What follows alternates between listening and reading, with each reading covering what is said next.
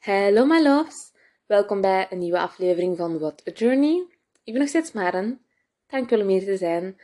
En zoals gezegd in de vorige aflevering gaan we vandaag de laatste zes wetten doen. Ehm, ik vind deze eigenlijk heel interessant. Sowieso zijn ze allemaal, hebben ze iets van waarheid in hun, maar deze laatste zes, die zijn, ja, die geven zo'n nieuwe kijk op dingen, vind ik. En dat vind ik een hele toffe. Ehm, maar ik zal eigenlijk beginnen eerst met mijn klein gelukskus. Ehm, ook al hoort dit eigenlijk bij de vorige aflevering. Ik ga het goede voorbeeld geven en gewoon mijn klein gelukskus geven, zodat je weet van, er is in overal geluk te vinden. En weet je wel, daar gaat de hele podcast een beetje over. Dus ik vind wel dat ik het goede voorbeeld moet geven. Uh, mijn eerste klein geluksje is um, in oktober is het eigenlijk de Roze Mars. En voor wie dat niet kent, dat is eigenlijk een initiatief van Pink Ribbon. Um, en het concept is een beetje van bewegen is een goede manier voor preventie tegen borstkanker. Dus um, heel de maand oktober wordt er aangeraden om zoveel mogelijk te gaan wandelen. En dus het is een goed doel waarbij je eigen moet sponsoren en sponsors moet zoeken. Maar evenals wordt er gevraagd om je in te zetten om elke dag te gaan wandelen. En ik denk dat de bedoeling is dat je één keer met alle deelnemers die er zijn, één keer de wereld rondwandelt. Um, en dat is wel tof, want je kunt in teams mee doen en bedrijven. En het is voor een goed doel. En sowieso het initiatief vind ik mooi.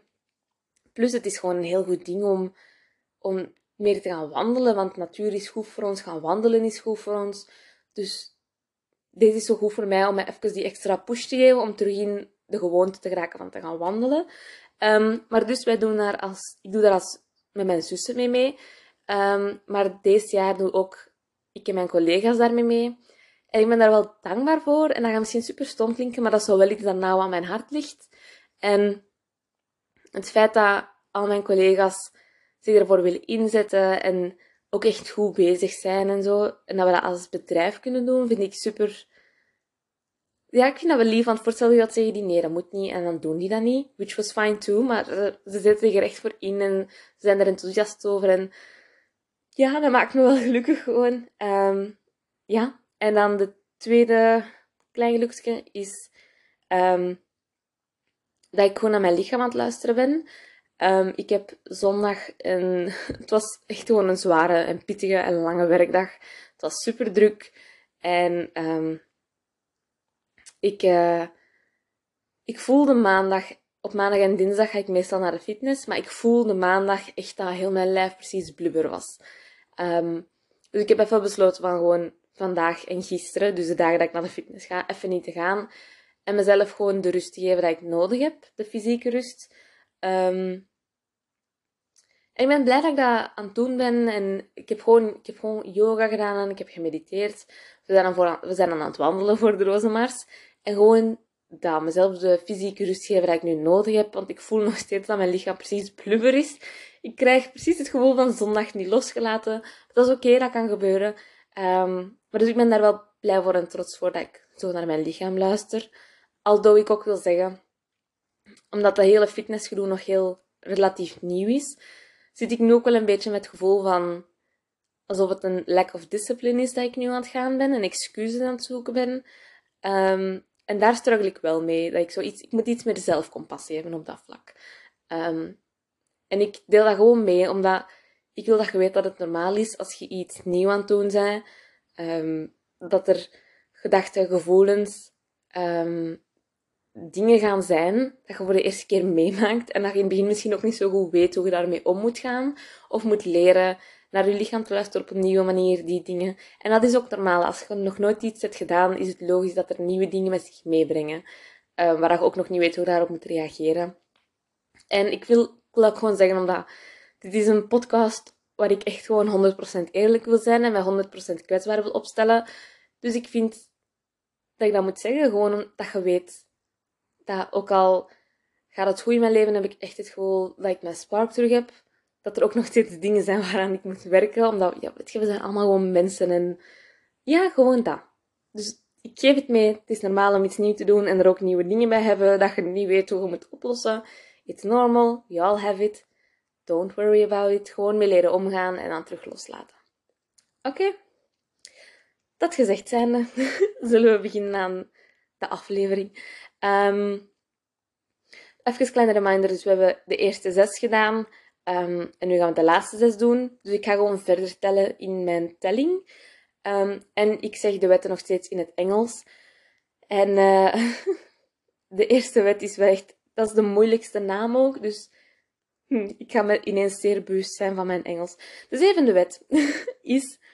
The Law of Perpetual Transmutation of Energy. En die betekent eigenlijk dat alles in het leven een energie is.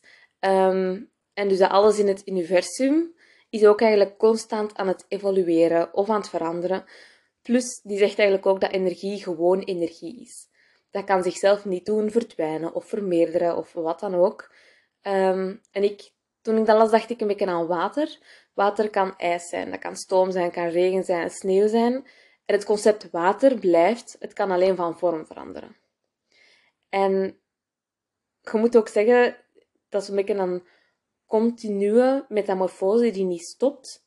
Um, ik bedoel, dat is in de wereld constant aanwezig. Hè? Je gaat van een idee naar product, van verval naar leven, van ijs naar water. En um, die wet betekent dus ook dat je je eigen energie kunt transformeren, zodat de dingen die je wilt komen. Bijvoorbeeld, want dat is super vaag om dat uit te leggen. Bijvoorbeeld, uh, als je boos bent, dat kun je gebruiken als energie voor een workout.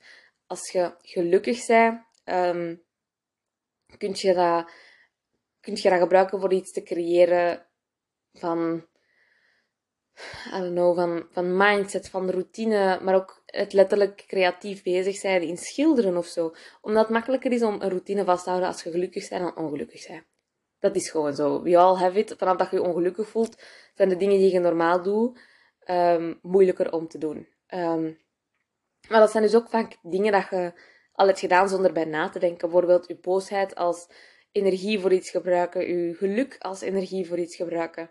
Um, en een beetje gelijk de wet van cause en effect zegt. Wacht, ik zal, ik zal die wet nog eens even. De wet van cause en effect zegt: Every action has its equal and opposite reaction. Um, dus uw gedachten, gedrag en acties creëren een specifiek effect. Um, en een beetje gelijk dat deze wet. Nee, gelijk dat de wet van cause en effect zegt, gebeurt het leven dus niet door toevalligheden. Hè? Dat gebeurt door de keuzes en veranderingen. En dat geeft weer het belang van mindset aan, omdat um, als je weet dat energie is en dat energie constant in beweging is en aan het veranderen is, en je weet dat je keuzes een bepaalde uitkomst hebben, dan is het belangrijk om daar positief naar te kijken. Dan is het belangrijk om niet een half leeg glas, half, half leeg, half vol glas mindset te hebben, maar eerder van een het is goed genoeg zoals het nu is mindset. En dus, um, je weet dat ik sowieso fan ben van emoties en het feit dat dat letterlijk in motion is. En deze wet zegt dat ook. Um, dus emoties zijn eigenlijk ook energie in beweging. En oftewel steekt je die energie in het suppressen van je emoties, um, waarbij je dus een emotie niet gaat ervaren. En dan komt die energie een beetje in je lichaam terecht. En hoe ik dat dan bekijk, is dat je dan pijn gaat hebben of anxiety. Um, omdat ze ook zeggen van je lichaam slaagt trauma op. En als ik naar mezelf kijk, ik weet ook van um, als ik niet goed naar, mijn, naar mezelf en naar mijn emoties luister, dan gaat dat zich degelijk echt manifesteren in mijn lichaam ergens. Als ik, um, als ik mijn, uh, als ik niet goed naar mijn eigen noden heb geluisterd, naar mijn eigen belangen, als ik mezelf niet op de eerste plaats heb gezet, als ik niet goed bezig ben geweest met voor mezelf te zorgen en voor mijn emoties te zorgen, dan heb ik die energie dus gestoken in plaats van het voelen van mijn emoties, naar het suppressen van die emoties. Um, en dus komt dat in mijn lichaam terecht. Hoe merk ik dat? Um, mijn nek en schouders staan gespannen als het maar zijn kan van de stress. Ik heb heel veel anxiety. Ik heb um, heel veel hoofdpijn. Als in, dan word ik wakker met hoofdpijn. Ik kan slapen met hoofdpijn. En ja, ik vind dat wel interessant, omdat ze dan ook zeggen, ja, uw lichaam slaagt trauma op. En ik geloof daar ook wel in. Ehm, wat ik op TikTok veel zie komen, is, uh, is op dit moment van de, van de um, hair holds memories, van haar, het feit dat je lang haar hebt. Um, zo dat. En ik vind dat ook wel, ik zeg niet dat dat hetzelfde is, maar ik vind het een interessant gegeven. Um, omdat ook veel mensen dat doen na een break-up of na een moeilijke periode. Zijn zo van, I'm gonna cut all my hair off. And I love it. Omdat dat ook weer zoiets is van, je haar heeft herinneringen. Dus je, allez, je lichaam heeft herinneringen. Dus door just zoiets simpel als je, als je haar transformeren, kan al een deel loslaten. En misschien is dat eerder het feit van dat je iets nieuw probeert, dat je een nieuw persoon bent, of dat je iets verandert aan je eigen, waardoor je een nieuw persoon voelt. Misschien is het eerder dat. Maar als je het in deze wet wilt bekijken, dan past dat daar ook in. En ik vind dat ook leuk, omdat dit zorgt er eigenlijk voor dat je een actieve rol gaat onder... Allez, een actieve rol gaat spelen in het reguleren van je emoties. En ik zeg niet... Ik zeg niet dat je... ik zeg niet dat je niks mocht voelen. En ik zeg niet dat je alle emoties moet wegsteken of enkel de goede emoties moet laten tonen. Because you don't. Ehm, maar het is wel belangrijk om als je een negatieve tussenhaakjes emotie voelt, dat je dat leert loslaten. Um, er is ah, jaloezie moet je leren loslaten, pijn moet je leren loslaten. En dat is heel belangrijk om dat te kunnen doen, omdat anders pijn en jaloezie, dat vreet aan u. En, en dat is iets heel, ja, dat kan iets heel roemenus zijn. En, en gelijk elke emotie dat te lang aanhoudt, voor allee, één bepaalde emotie dat zich te lang aanhoudt, dat kan gewoon een ziekte worden aan een tijd. En ik vind het leuk dat deze wet zo zegt van, als alles toch constant in beweging is, dan is het ook normaal dat je je boosheid even door je lichaam laat gaan en daarna loslaat. Dat je je geluk even, je geluk boost even door je lichaam laat gaan en dat dat daarna terug een beetje gelijk, ja, een, een hartmonitor, dat gaat ook omlaag en naar beneden. Allee, snap je, dat gaat zo op en neer. En het is tof om naar je emoties ook zo te kijken. Dat de negatieve die komen terug neutraal te staan en de positieve ook. Want alles is in verandering en alles is in beweging. En het concept blijft, maar de vorm verandert. En dat vind ik leuk aan deze wet. Dat het een beetje een actieve rol vraagt om je emoties te reguleren gewoon. Oké, next. de volgende wet is de law of compensation. Um, dit is eigenlijk de simpelste wet van alles dat nog gaat komen. Namelijk, you reap what you saw. Um, uw moeite komt altijd terug. Eigenlijk een beetje karma. en toen ik dit las, dacht ik, wat is dan het verschil tussen de law of cause and effect en de deze? Um, law of cause and effect heb ik daarnet even uitgelegd. Um, en ik denk eigenlijk dat, alleen persoonlijk denk ik dat de wet van cause and effect, dat die eigenlijk de actie is dat moet genomen worden om verandering te brengen. En dat deze wet, de law compensation, dat deze eigenlijk de energie is dat terugkomt van al die samengenomen acties. Um, en dat gaat eigenlijk een beetje over geduld ook. Uh, je zet de som van de keuzes die je maakt. En soms moet je gewoon geduld hebben eer dat je je changes en keuzes gaat voelen. Um, ik ben even aan het denken aan iets. Bijvoorbeeld mensen die in een depressie zitten, um, dat kan heel lang duren eer dat die daar uit zijn. Zelfs maar voor 50% zich beter voelen, dat kan soms echt heel lang duren. En dat is, dat is niet alleen medicatie soms, maar dat is vaak ook... Um, dat is vaak echt een heleboel dingen tezamen. Dat is... Uh, ik, ik weet het niet, want ik ben nog nooit depressief geweest. Maar ik kan me inbeelden dat je uh, moet zien dat je beweegt. Want beweging is goed voor je brein. Dat je genoeg zonlicht krijgt. Dat je um, leert journalen, mediteren. Um, zo alle dingen waarvan dat je weet dat het dopamine released in je brein. En, en dat is vaak, vaak zijn dus al die veranderingen en keuzes tezamen. En dat duurt heel lang voordat je daar echt een, een effect van gaat voelen. En het komt eigenlijk een beetje neer op zo delayed gratification in de psychologie. Um, van leren wachten op de, de beloning die komt. Leren wachten op de verandering die komt. En ik weet sowieso dat dat iets heel moeilijk is om te doen. Ehm, ik weet zeker, ik weet dat als kind. Um, ik weet toen ik uh, humane wetenschappen deed, dat wij een onderzoek hadden gelezen over het marshmallow-onderzoek of zo. Ik weet niet meer hoe dat noemt. Maar um, kinderen hebben het daar heel moeilijk mee. En dat is iets dat ons hele, allee, dat heel leven wel blijft, vind ik. Um, basically, ik denk dat ze zeiden van ja, hier is een marshmallow. Ofwel eet je hem nu direct op en dat is het. Oftewel, wacht je vijf minuten en als die marshmallow er dan nog staat, zoals hem hier nu staat, krijg je een extra marshmallow. En hoeveel kinderen dan moeite hebben met zich te bedwingen, ook al weten ze dat het maar vijf minuten wachten is. En krijgen ze een extra marshmallow dan, dat is super moeilijk om je dan te bedwingen. En dat is in het volwassen leven ook nog steeds zo. Je weet misschien dat, um, dat het beter is dat je um, uit je bed komt en dat je een ochtendwandeling doet en mediteert en journalt of whatever het is voor u dat werkt. Um, en toch als je, ga je dat soms niet doen omdat je daar geen goesting hebt, omdat de dopamine release dat je hebt van gewoon nu in de zetel te blijven zitten en iets te kijken op je gemak, die is er direct. Terwijl je je pas beter gaat voelen nadat je al die dingen van het wandelen en het journalen en het mediteren, daar pas ga je van beter voelen als je die allemaal gedaan hebt. Dus dat is de late gratification van de beloning van je beter voelen, komt pas achteraf en dat is niet direct. En dan denk ik dat zit echt in kleine dingen.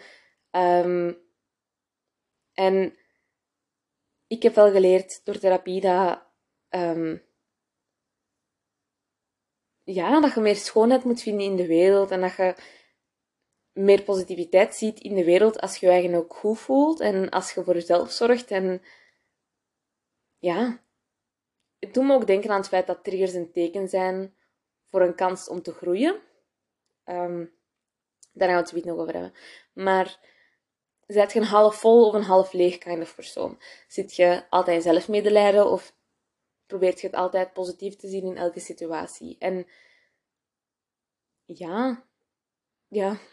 Ik zeg het, het gaat over geduld. Je moet geduld hebben voor de keuzes die je maakt. Eer dat je daar de beloning van gaat zien en je moeite komt altijd terug. Stuurt je veel positief en liefde de wereld in, dan ga je veel positief en liefde in de wereld zien.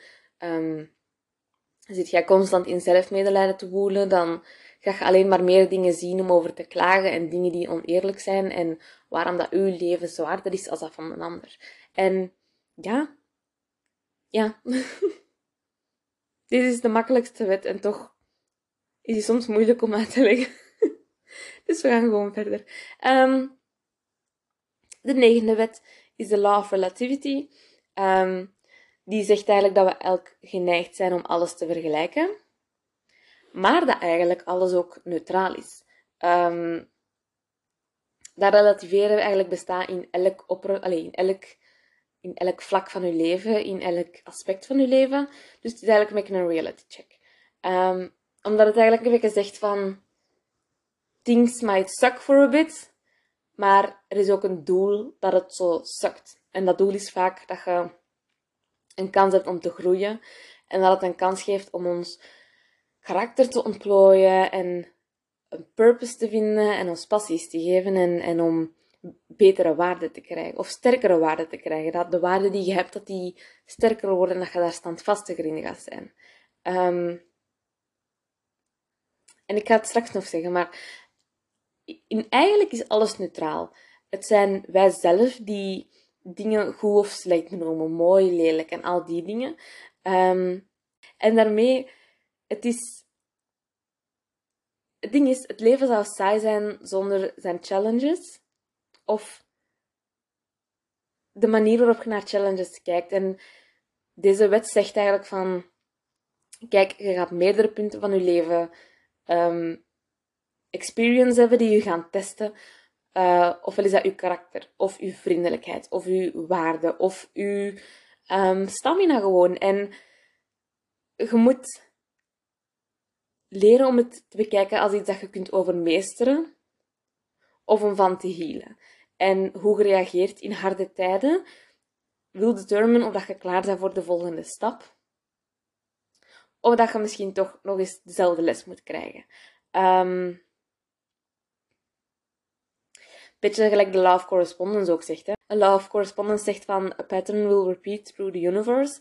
Um, en deze zegt ook een beetje mee van um, hoe dat je reageert op harde tijden, op stormen die komen.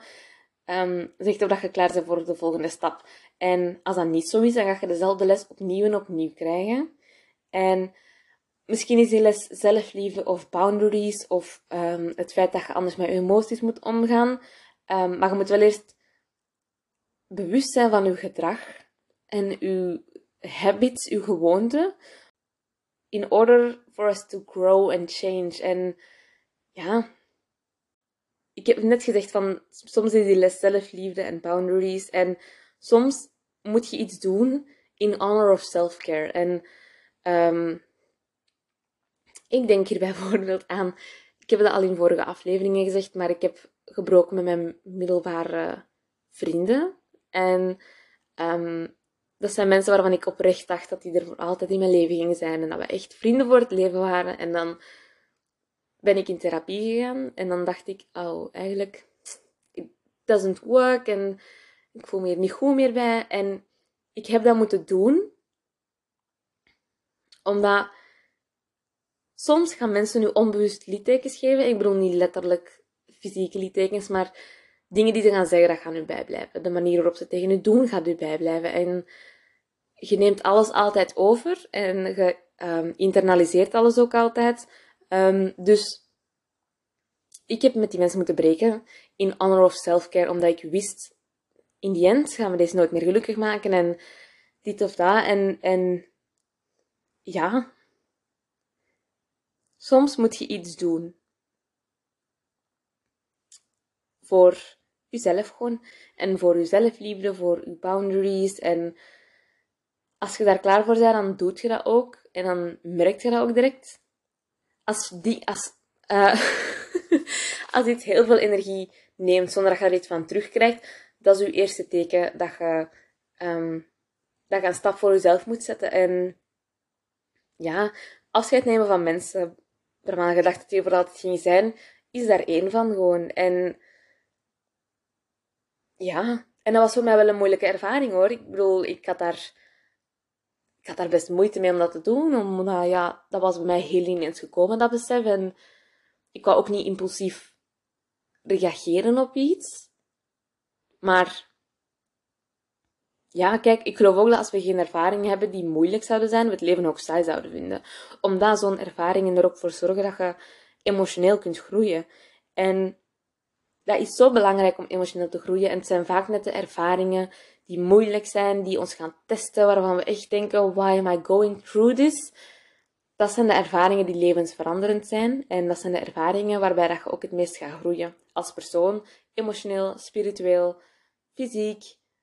Ja, it's the pain what you suffer for. Hè? Allee, ja. Ja, kijk. oftewel snap je deze wet, oftewel niet. En het zegt eigenlijk gewoon basically van ja, kijk, dat dingen soms zakken, maar dat er ook een doel is aan het zakken, omdat je dan kunt groeien. En het ding is ook aan deze wet, dat vind ik echt leuk, falen bestaat niet in deze wet. Omdat je kunt best eigenlijk zoveel mogelijk doen van wat je wilt, want je gaat sowieso falen.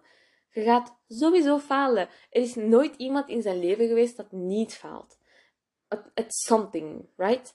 En het is eigenlijk een beetje kunst van je doorzettingsvermogen. En dat zegt deze wet ook van, um, van als je nooit iets probeert, gaat je het ook nooit weten.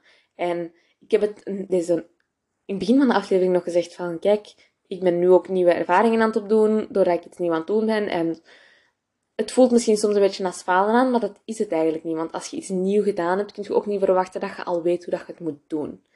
En ja, deze wet zegt eigenlijk van er is schoonheid in het vallen. Er is een schoonheid in het mislukken. En je moet het gewoon maar zo bekijken. Van at least you tried. En we gaan gewoon door blijven gaan en dit en dat. Dus ja, kijk. Um, we gaan gewoon verder. nu komt in mijn ogen de drie interessantste wetten. Misschien ook wel de moeilijkste om uit te leggen, maar wel de drie interessantste. De tiende wet is de law of polarity. En die zegt eigenlijk dat alles in het leven een tegengestelde heeft, maar die zorgt ook voor balans. Um, wat je moet begrijpen is dat dit vaak eigenlijk twee kanten zijn van hetzelfde ding. Um, ze bedoelen hiermee van dat als één ding het potentieel heeft om te bestaan, dan heeft de opposite daarvan ook het potentieel om te bestaan. Denk aan vrede en oorlog. Eigenlijk gelijk yin en yang in de Chinese, Japanse, Japanse cultuur. Um, together they make a whole. En vaak zijn zo polar ends zijn eigenlijk extreme op hetzelfde continuum. Um, ze zijn hetzelfde en ze zijn. En het voorbeeld dat ze hierbij gegeven hebben was dat liefde vaak in haat kan veranderen, maar dat haat ook vaak een resemblance heeft met liefde. Um, het is het, hetzelfde spectrum, maar het zijn opposite sides to flip between. En um, waarbij ik dan aan moet denken als ik dat las, was Bridgerton, season 2. Um, like Kate en, Kate en Anthony, dat waren enemies to lovers. Dat zijn ook de boeken dat ik het liefste lees, omdat die emoties zijn even intens en het lijkt soms hard op een. En ja, verandering is onvermijdelijk, right? komende wet gaat dat zeggen, die ga ik ze niet uitleggen. En de keuze zit hem eigenlijk in hoe dat je omgaat met verandering. En als deze wet zegt dat alles in het leven een tegengestelde heeft, die zorgt voor balans, is het ook tof om te weten dat er vaak een potentieel is. Like, als er een positieve is, dan is er ook een negatieve. Je kunt niet een geboorte hebben zonder dat er iemand doodgaat. Je kunt niet gelukkig zijn zonder sadness toe te laten. En um, ik heb het gezegd, het zijn zelf degenen die eigenlijk goed, slecht, mooi, lelijk, right from wrong op dingen plakken. Um, en dat gaat ook gepaard vaak met het ding dat wat voor één persoon goed is, is voor een ander slecht. Um, je gaat niet in iedereen zijn verhaal de held zijn en je gaat niet in iedereen zijn verhaal de villain zijn en iedereen bekijkt dat anders. En um, het ding, is, het, het, ding wat ik uit deze wet haal is als alles echt sukt. Als je het gevoel hebt van het leven kan echt niet slechter, weet dan van dat er ook de opposite is. En dat je ook het gevoel hebt van het leven kan niet meer beter als dit. Niemand, ik sta on top of the world, niemand kan mij dat afpakken. En het geeft een soort, mij geeft deze wet een soort van vrede. Ik vind dit een zeer simpele wet, maar dat geeft mij een soort van rust. Omdat je er is verandering altijd, ergens. Alles is in cyclussen. En hoe je beslist met iets om te gaan, positief, negatief, gelukkig, ongelukkig. Um, deze wet geeft een soort van rust van, als ik kies, weten van, ik voel me nu heel gelukkig, dat gaat niet voor altijd blijven, that's fine. Want ik weet ook dat als ik me ongelukkig voel, dat er terug een soort geluk gaat komen. En ik zeg het, deze wet geeft mij een soort van rust voor hoe het leven is en ook voor hoe de andere mensen naar mij kijken. Um, want ik zeg het, je gaat niet in iedereen zijn verhaal goed zijn, je gaat niet in iedereen zijn verhaal slecht zijn, maar dat maakt u niet one of those two things. Ik bedoel, je bent niet ofwel wat andere mensen wel of niet zeggen. Ik bedoel, en ja, het geeft gewoon een soort van rust. Uh, maar dat is wel een beetje de vaagste wet om uit te leggen. En die is ook niet echt zo per se een... Deze wet heeft niet echt een takeaway om mee te nemen. Maar ik heb die er toch somehow in gevonden. dus ja, kijk. Um, ik ga gewoon verder gaan. De elfde is de Law of Rhythm. En die zegt eigenlijk dat cyclussen een natuurlijk gegeven zijn. Kijk naar de seizoenen. Maar evenals voor vrouwen, als die hun, als regels hebben, je gaat ook door een cyclus daarin. Um, en het ding is, je moet niet constant één ding zijn de hele tijd. En dat is eigenlijk een favoriete les ook dat ik uit de psycholoog heb gehaald, van je bent een flexibel ding. Um, ik denk dat dat de wet van Newton is. Ik heb geen idee. Maar zo van iets in beweging moet in beweging blijven. Zo, dat wetenschappelijk gegeven. Ehm, deze wet zegt eigenlijk van... Na elke storm komt er iets beter. Ehm, ja, je kunt het ook pessimistisch bekijken en denken van... Na elk goed ding gebeurt er terug iets slecht. Waarom zou je dan eigenlijk de moeite doen om... om te, allez, snap je waarom zou je de moeite doen? Why bother? Ehm, maar het ding is, deze wet gaat om de verandering, niet om het feit dat iets goed of slecht is. Omdat, ik heb het al gezegd, maar we geven zelf vaak de dingen van goed, slecht, mooi, lelijk, right from wrong. En het gaat om de verandering zelf en niet zozeer de, het, het ding dat je op de verandering plakt. En um, ik vind het gewoon een heel mooi ding dat na alles, na elke storm komt er iets beter. Dus na elke challenge komt er iets beter. En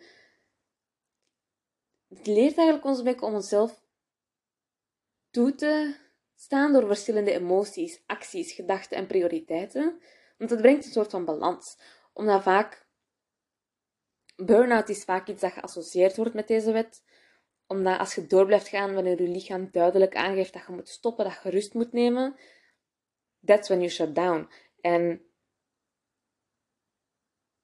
gewoon, verandering is onvermijdelijk in het leven. En soms zijn de dingen die we het liefst willen, de dingen die het moeilijkste zijn om te verkrijgen. En dan ga je door heel veel verandering en intense verandering. Um, heb ik hier een persoonlijk voorbeeld? Ja, tuurlijk. Therapie. Obviously. Um, ik heb net gezegd van de dingen die we het liefst willen, zijn soms de dingen die het moeilijkste te verkrijgen zijn. Bij mij was dat zelfliefde. Ik heb daar heel, heel lang, een heel heel zware therapie-sessies voor gehad om dat te verkrijgen. Ik heb bloed, zweet en tranen gehad. Ik heb schuldgevoelens gehad. Ik heb euforie meegemaakt daarin. Heel extreme van emoties. En ik kan niet zeggen dat ik spijt heb van die... Dat is een zware periode geweest, right? Maar dat is oprecht wel... De uitkomst dat ik van die periode heb gekregen, is het dubbel en dik waard gewoon. Omdat ja, mezelf toestaan om door verschillende emoties te gaan, door verschillende gedachten te hebben, maar ook verschillende prioriteiten te hebben en um, relaties ook te hebben. Ik bedoel, um, voor therapie was bijvoorbeeld de relatie die ik had met mijn baas. Dat klinkt zo fout, maar de, de verstandhouding die ik had met mijn baas was voor mij het heel belangrijk, omdat ik wou een goede werker zijn en ik wou goed genoeg zijn en dit en dat zijn en dat die geen spijt hadden. Na therapie was dat mijn vriendschappen die prioriteit hadden. De relatie met mezelf had prioriteit. Waarom? Omdat je leert van jezelf wegcijferen over iemand dat je eigenlijk maar aanneemt puur uit de noodzaak, is niet belangrijk. Iemand jezelf weg... Jezelf, je mocht jezelf nooit wegcijferen. Hè? Dat, is nooit, dat is niet de takeaway van dit. Maar jezelf kwetsbaar opstellen voor, voor een vriendin. Jezelf um, heel veel moeite doen om een vriendin te zien of om iemand te horen of voor af te spreken. Dat is wel de moeite waard. En andere prioriteiten hebben is normaal, broer. Soms, soms gaat het leven stukken en ga je andere prioriteiten hebben dan wanneer het leven goed gaat. Als je moeite hebt met jezelf, dan is het logisch dat je als je moeite hebt met jezelf, is het logisch dat alles moeilijker aanvoelt en dat je andere prioriteit, dat je basisprioriteit is gewoon uit, uit bed te komen. En als het goed gaat, dan is je prioriteit om je dag to the te leven. En dat is normaal. Um, niet alleen seizoenen zijn cyclussen, maar heel je leven verandert elke dag. Het kan echt elke dag veranderen. En het is ja, andere. Het is belangrijk om gewoon je emoties toe te laten en je acties en gedachten en relaties, dat die veranderen, want dat brengt een soort balans. Omdat je moet luisteren naar wanneer je lichaam moe is, je moet luisteren naar wanneer je, wanneer je gelukkig bent en triestig bent, je moet luisteren naar wat je gedachten aan. Soms is het van die onbewuste gedachten die bovenkomen, maar je moet daar wel naar luisteren. En verandering is onvermijdelijk, right? Je kunt niet constant hetzelfde blijven en ja, als verandering onvermijdelijk is, why not just go with the flow? Kunt er toch niks aan doen. Drie, vier andere dingen die gebeuren, heb je niet in je, niet in uw controle. Dus waarom laat je die verandering door je lichaam vloeien, die energie door je lichaam vloeien en dan ziet je wel wat er van komt. En als je gewoon weet dat na, elk, na elke storm, na elke challenge, na elke donkere periode het terug iets beter komt, dan geeft u dat soort van contentement. Van dingen zijn goed nu, oké, dat gaat niet zo blijven, maar I'm gonna enjoy them while they last. Dingen zijn slecht nu, oké, dat zakt, maar ik weet ook dat er iets beter komt. Dingen zijn niet per se slecht, niet per se goed, dingen zijn neutraal, oké, we zien wel wat de volgende stap is. Het brengt een soort van rust over eb en vloed, eigenlijk over de flow van het leven en over het feit dat alles toch in verandering is en alles in cyclussen is en alles. Dat je flexibel bent en dat je ook moogt veranderen. En je staat niet vast in het leven. Dat is gewoon zo. En deze wet benadrukt dat gewoon, dat je niet vast staat in het leven heb ik echt net kwartier liggen mompelen over deze wet. dat is eigenlijk basically het ding. Ik heb daar nu 10 minuten over gedaan om tot die conclusie te komen, maar dat is eigenlijk de conclusie. Oké, anyway. De laatste wet al. Hm, oké, anyway. Deze, is, deze vind ik een leuke wet. Maar de twaalfde wet, de laatste wet, is the law of gender. En ik las die titel en ik was direct zo van, I don't like that word.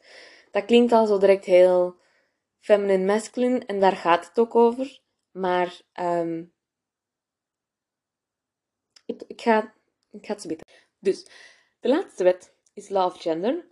En die zegt eigenlijk dat alles het potentieel heeft om zowel masculine als feminine energy te zijn. Um, en die beide zijn eigenlijk te vinden binnenin ons. Um, en although de wet het woord gender gebruikt, um, moet je dat niet letterlijk nemen zoals je het kent. Deze is ongeacht van ons geslacht, uh, of hoe dat je je voelt, of je pronouns. Het is eerder eigenlijk een beetje een, een representatie van two opposites kind of energy. De een die verzorgt en de ander die eigenlijk gewoon voor gaat. Um, omdat ik, ik las deze wet en ik was van, ik ga het hier niet eens mee zijn.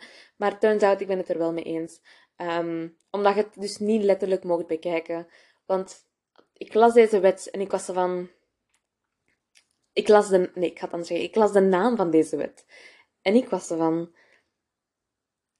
Ik ga al niet akkoord met puur de naam ervan, omdat ik geloof in de queer community en, en ik geloof in non-binair en ik vind ook dat dat moet kunnen. En ik had een beetje het gevoel dat gewoon de naam van de wet dat een beetje discrimineerden of zo. Maar dus, dat doet het niet, daar gaat het ook niet over.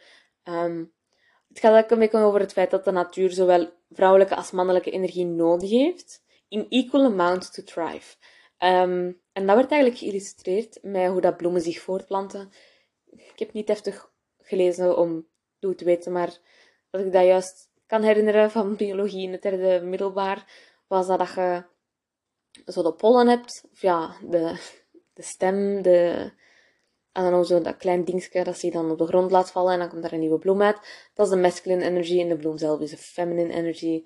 Het was zoiets. Um, niet de takeaway van het ding. Um, Oké, we gaan gewoon... Masculine energy is eigenlijk gebaseerd op knowledge. Um, dat is vaak actie. Dat is logica, stabiliteit, focus, goal georiënteerd zijn, praktisch ingesteld zijn. Uh, het zijn vaak mensen met grote dromen die, um, die natuurlijk, natuurlijke leiders zijn. Um, en dat is dus masculine energy op een, op een gezonde manier. Maar het ook op een negatieve manier. Als je bijvoorbeeld altijd in beweging bent, als je geen ontspanning hebt, uh, een full-booked calendar hebt, type A, perfectionist, dat is te veel masculine energie. Um, en je hebt dus ook de feminine energy, dat is intuïtie, dat is creativiteit, passie, connectie, openheid, dynamisch zijn en perceptie. En dus Um, dat zijn vaak mensen die empathisch zijn, die zich goed voelen in hun kwetsbaarheid en eigenlijk een beetje ervoor zorgen dat andere mensen zich gezien voelen. En dat is dan de feminine energy in a healthy way. Maar evenals het er ook weer in een, in een negatieve manier.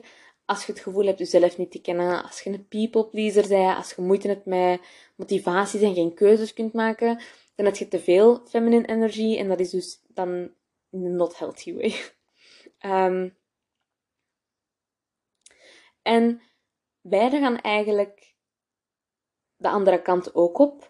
Net als je het gevoel hebt van vast te zitten, als je hyperkritisch bent, als je disconnected van jezelf bent en de mensen rondom je, heb je meer feminine energy nodig. Maar als je bijvoorbeeld struggelt om gemotiveerd te zijn, als je impulsief bent en chaotisch bent, heb je meer masculine energy nodig. Um, en ik vind dit een interessant gegeven, omdat ik was aan het denken, hoe balanceert je die energie dan eigenlijk? Um, en het ding is, als je te veel van het ene hebt, bijvoorbeeld te veel van feminine energy, dan zeg je een people pleaser. Dan word je naar beneden gehaald door anxiety. En bij masculine energie zeg je gemakkelijk geïntimideerd, het je snelle burn-out, kun je niet toe tegen kritiek en al die dingen. En um, beide zijn dus nodig, zodat we die slechte kanten die ik echt net heb opgenoemd, niet naar boven laten komen. En het is ook logisch dat in sommige fases van het leven je meer van de ene nodig hebt dan van de andere. Als je bijvoorbeeld een heleboel testen en examens moet doen, dan is het logisch dat je meer masculine energie nodig hebt, waarbij dat je actie en, logica en focus moet hebben, tegenover feminine energie, waar dat je gewoon open kunt zijn en passend kunt hebben en creatief, creatief zijn. Dat is logisch, dat je soms eerder die energie moet aanspreken dan de andere. Um, en de balans is een beetje gelijk yin en yang. Um, want je hebt niet alleen passie nodig, maar je hebt ook logica nodig. En je kunt een idee hebben, maar je moet ook actie willen nemen daarvoor. Om het idee werkelijkheid te maken. En dat is de feminine energy en de masculine energy die elkaar echt gewoon complementeren en elkaar aansluiten en zorgen voor de balans. En als je dat niet hebt, dan ga je het gevoel hebben dat je, dat je stuk gaat zitten. En ik heb nagedacht over deze wet. En ik heb door dat ik oprecht wel vanuit mezelf ben ik gewoon één blok feminine energy. Um, which I love. Ik kan er niks slecht over zeggen. Ik ben creatief. Ik volg heel hard mijn intuïtie. Ik ben heel open en dynamisch. Maar inderdaad, ik ben ook soms too much feminine energy. En ik ben soms een people pleaser. Ik heb soms moeite met motivatie. Soms ben ik zo indecisive dat ik geen keuze kan maken. En dan heb ik te veel en dan weet ik van, nu weet ik van, ik kan soms beter even praktisch ingesteld zijn. Ik kan soms beter logica gebruiken en nadenken. En, um, en ik, vind, ik vind het leuk om de, de impulsieve, ladida, kwetsbaarheid, haha, persoon te zijn. Um, maar het is gemakkelijk om, om in een in een gat te vallen daarmee en te veel van die energie te hebben ook. Zeker voor people pleasers. Ik bedoel,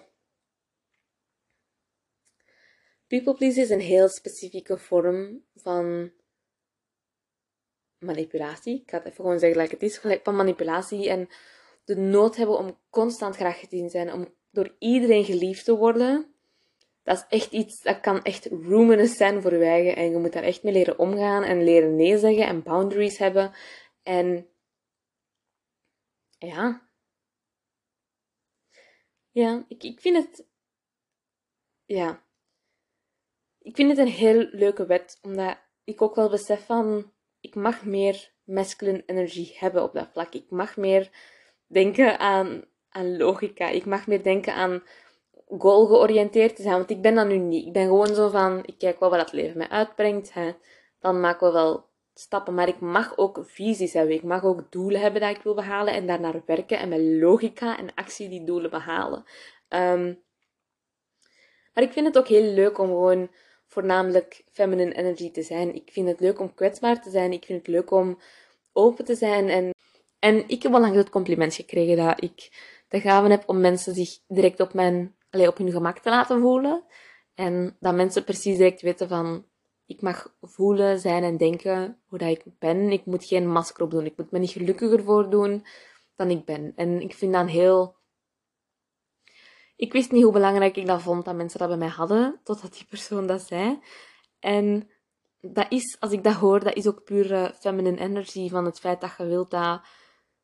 Je bent bewust van perceptie, dat mensen zich kunnen voelen op een bepaalde manier, maar dat niet laten tonen. En je bent bewust van je woorden en welk gewicht dat die kunnen dragen. En ik vind dat heel belangrijk ook. En ik vind het belangrijk om creatief te zijn, om open te zijn. En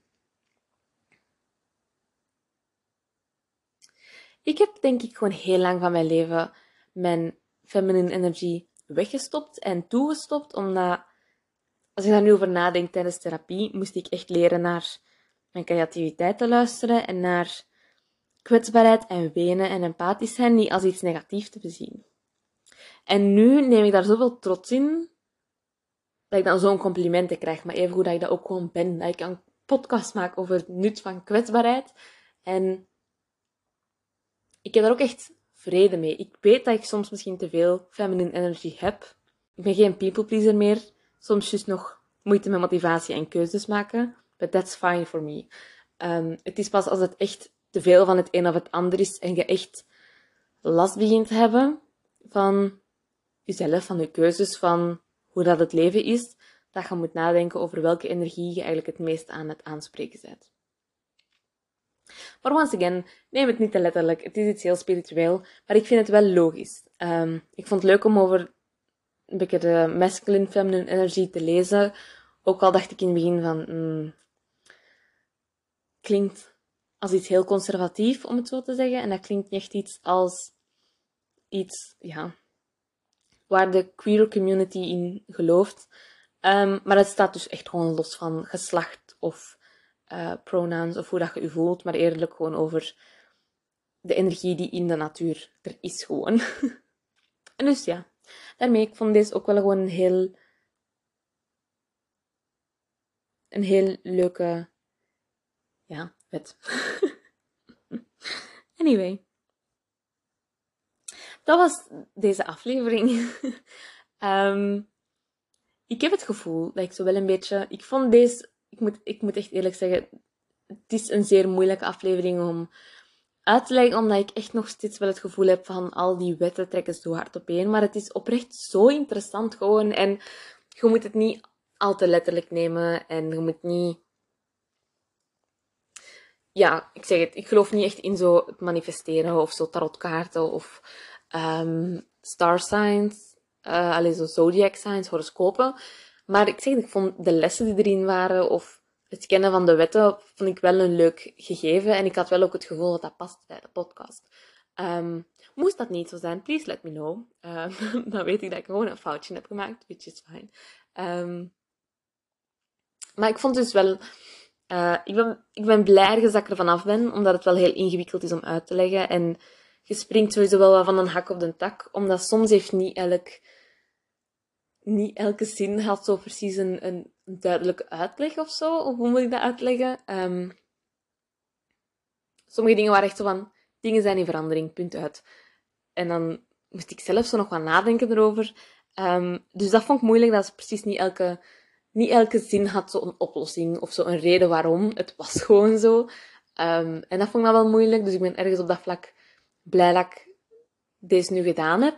Um, Alleen dat ik er vanaf ben, omdat het was wel oprecht gewoon ingewikkeld en it was just a lot. Um, maar ik ben ook blij omdat het wel aansluit bij de podcast en bij hoe dat ik denk en kijk naar dingen. En deze was een beetje zo een opsomming van alles wat ik denk ik al wel gezegd heb of waar ik voor sta. Minus het spirituele ervan. Oké, anyway, dat was de aflevering. Um, ik heb dringend een glaasje water nodig. Ik voel het aan mijn stem. Maar uh, geniet nog van jullie dagje. Please let me know wat je vond van de aflevering.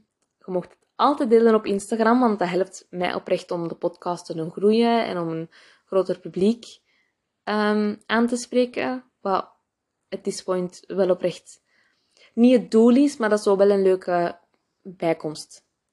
Ja, iets dat erbij komt kijken. Um, en dat ik ook oprecht geloof dat in elke aflevering wel iets zit dat mensen kunnen meepakken. Um, maar ik snap ook wel volledig dat niet dat dit niet voor iedereen is. Niet alleen de podcast, maar over het feit hoe dat ik babbel en het feit dat ik soms stotter en lang nadenk en vaak dingen herhaal. Ehm, ik snap ook dat dat soms mensen een ding is. That's fine too. Maar dus je mocht het absoluut delen op je verhaal. Dat helpt mij oprecht en dat maakt me ook gewoon heel gelukkig om te zien. Um, ja, ik ga nog een crea-dagje hebben. Ik ga gewoon nog schilderen en we zien wel waar ik uitkom.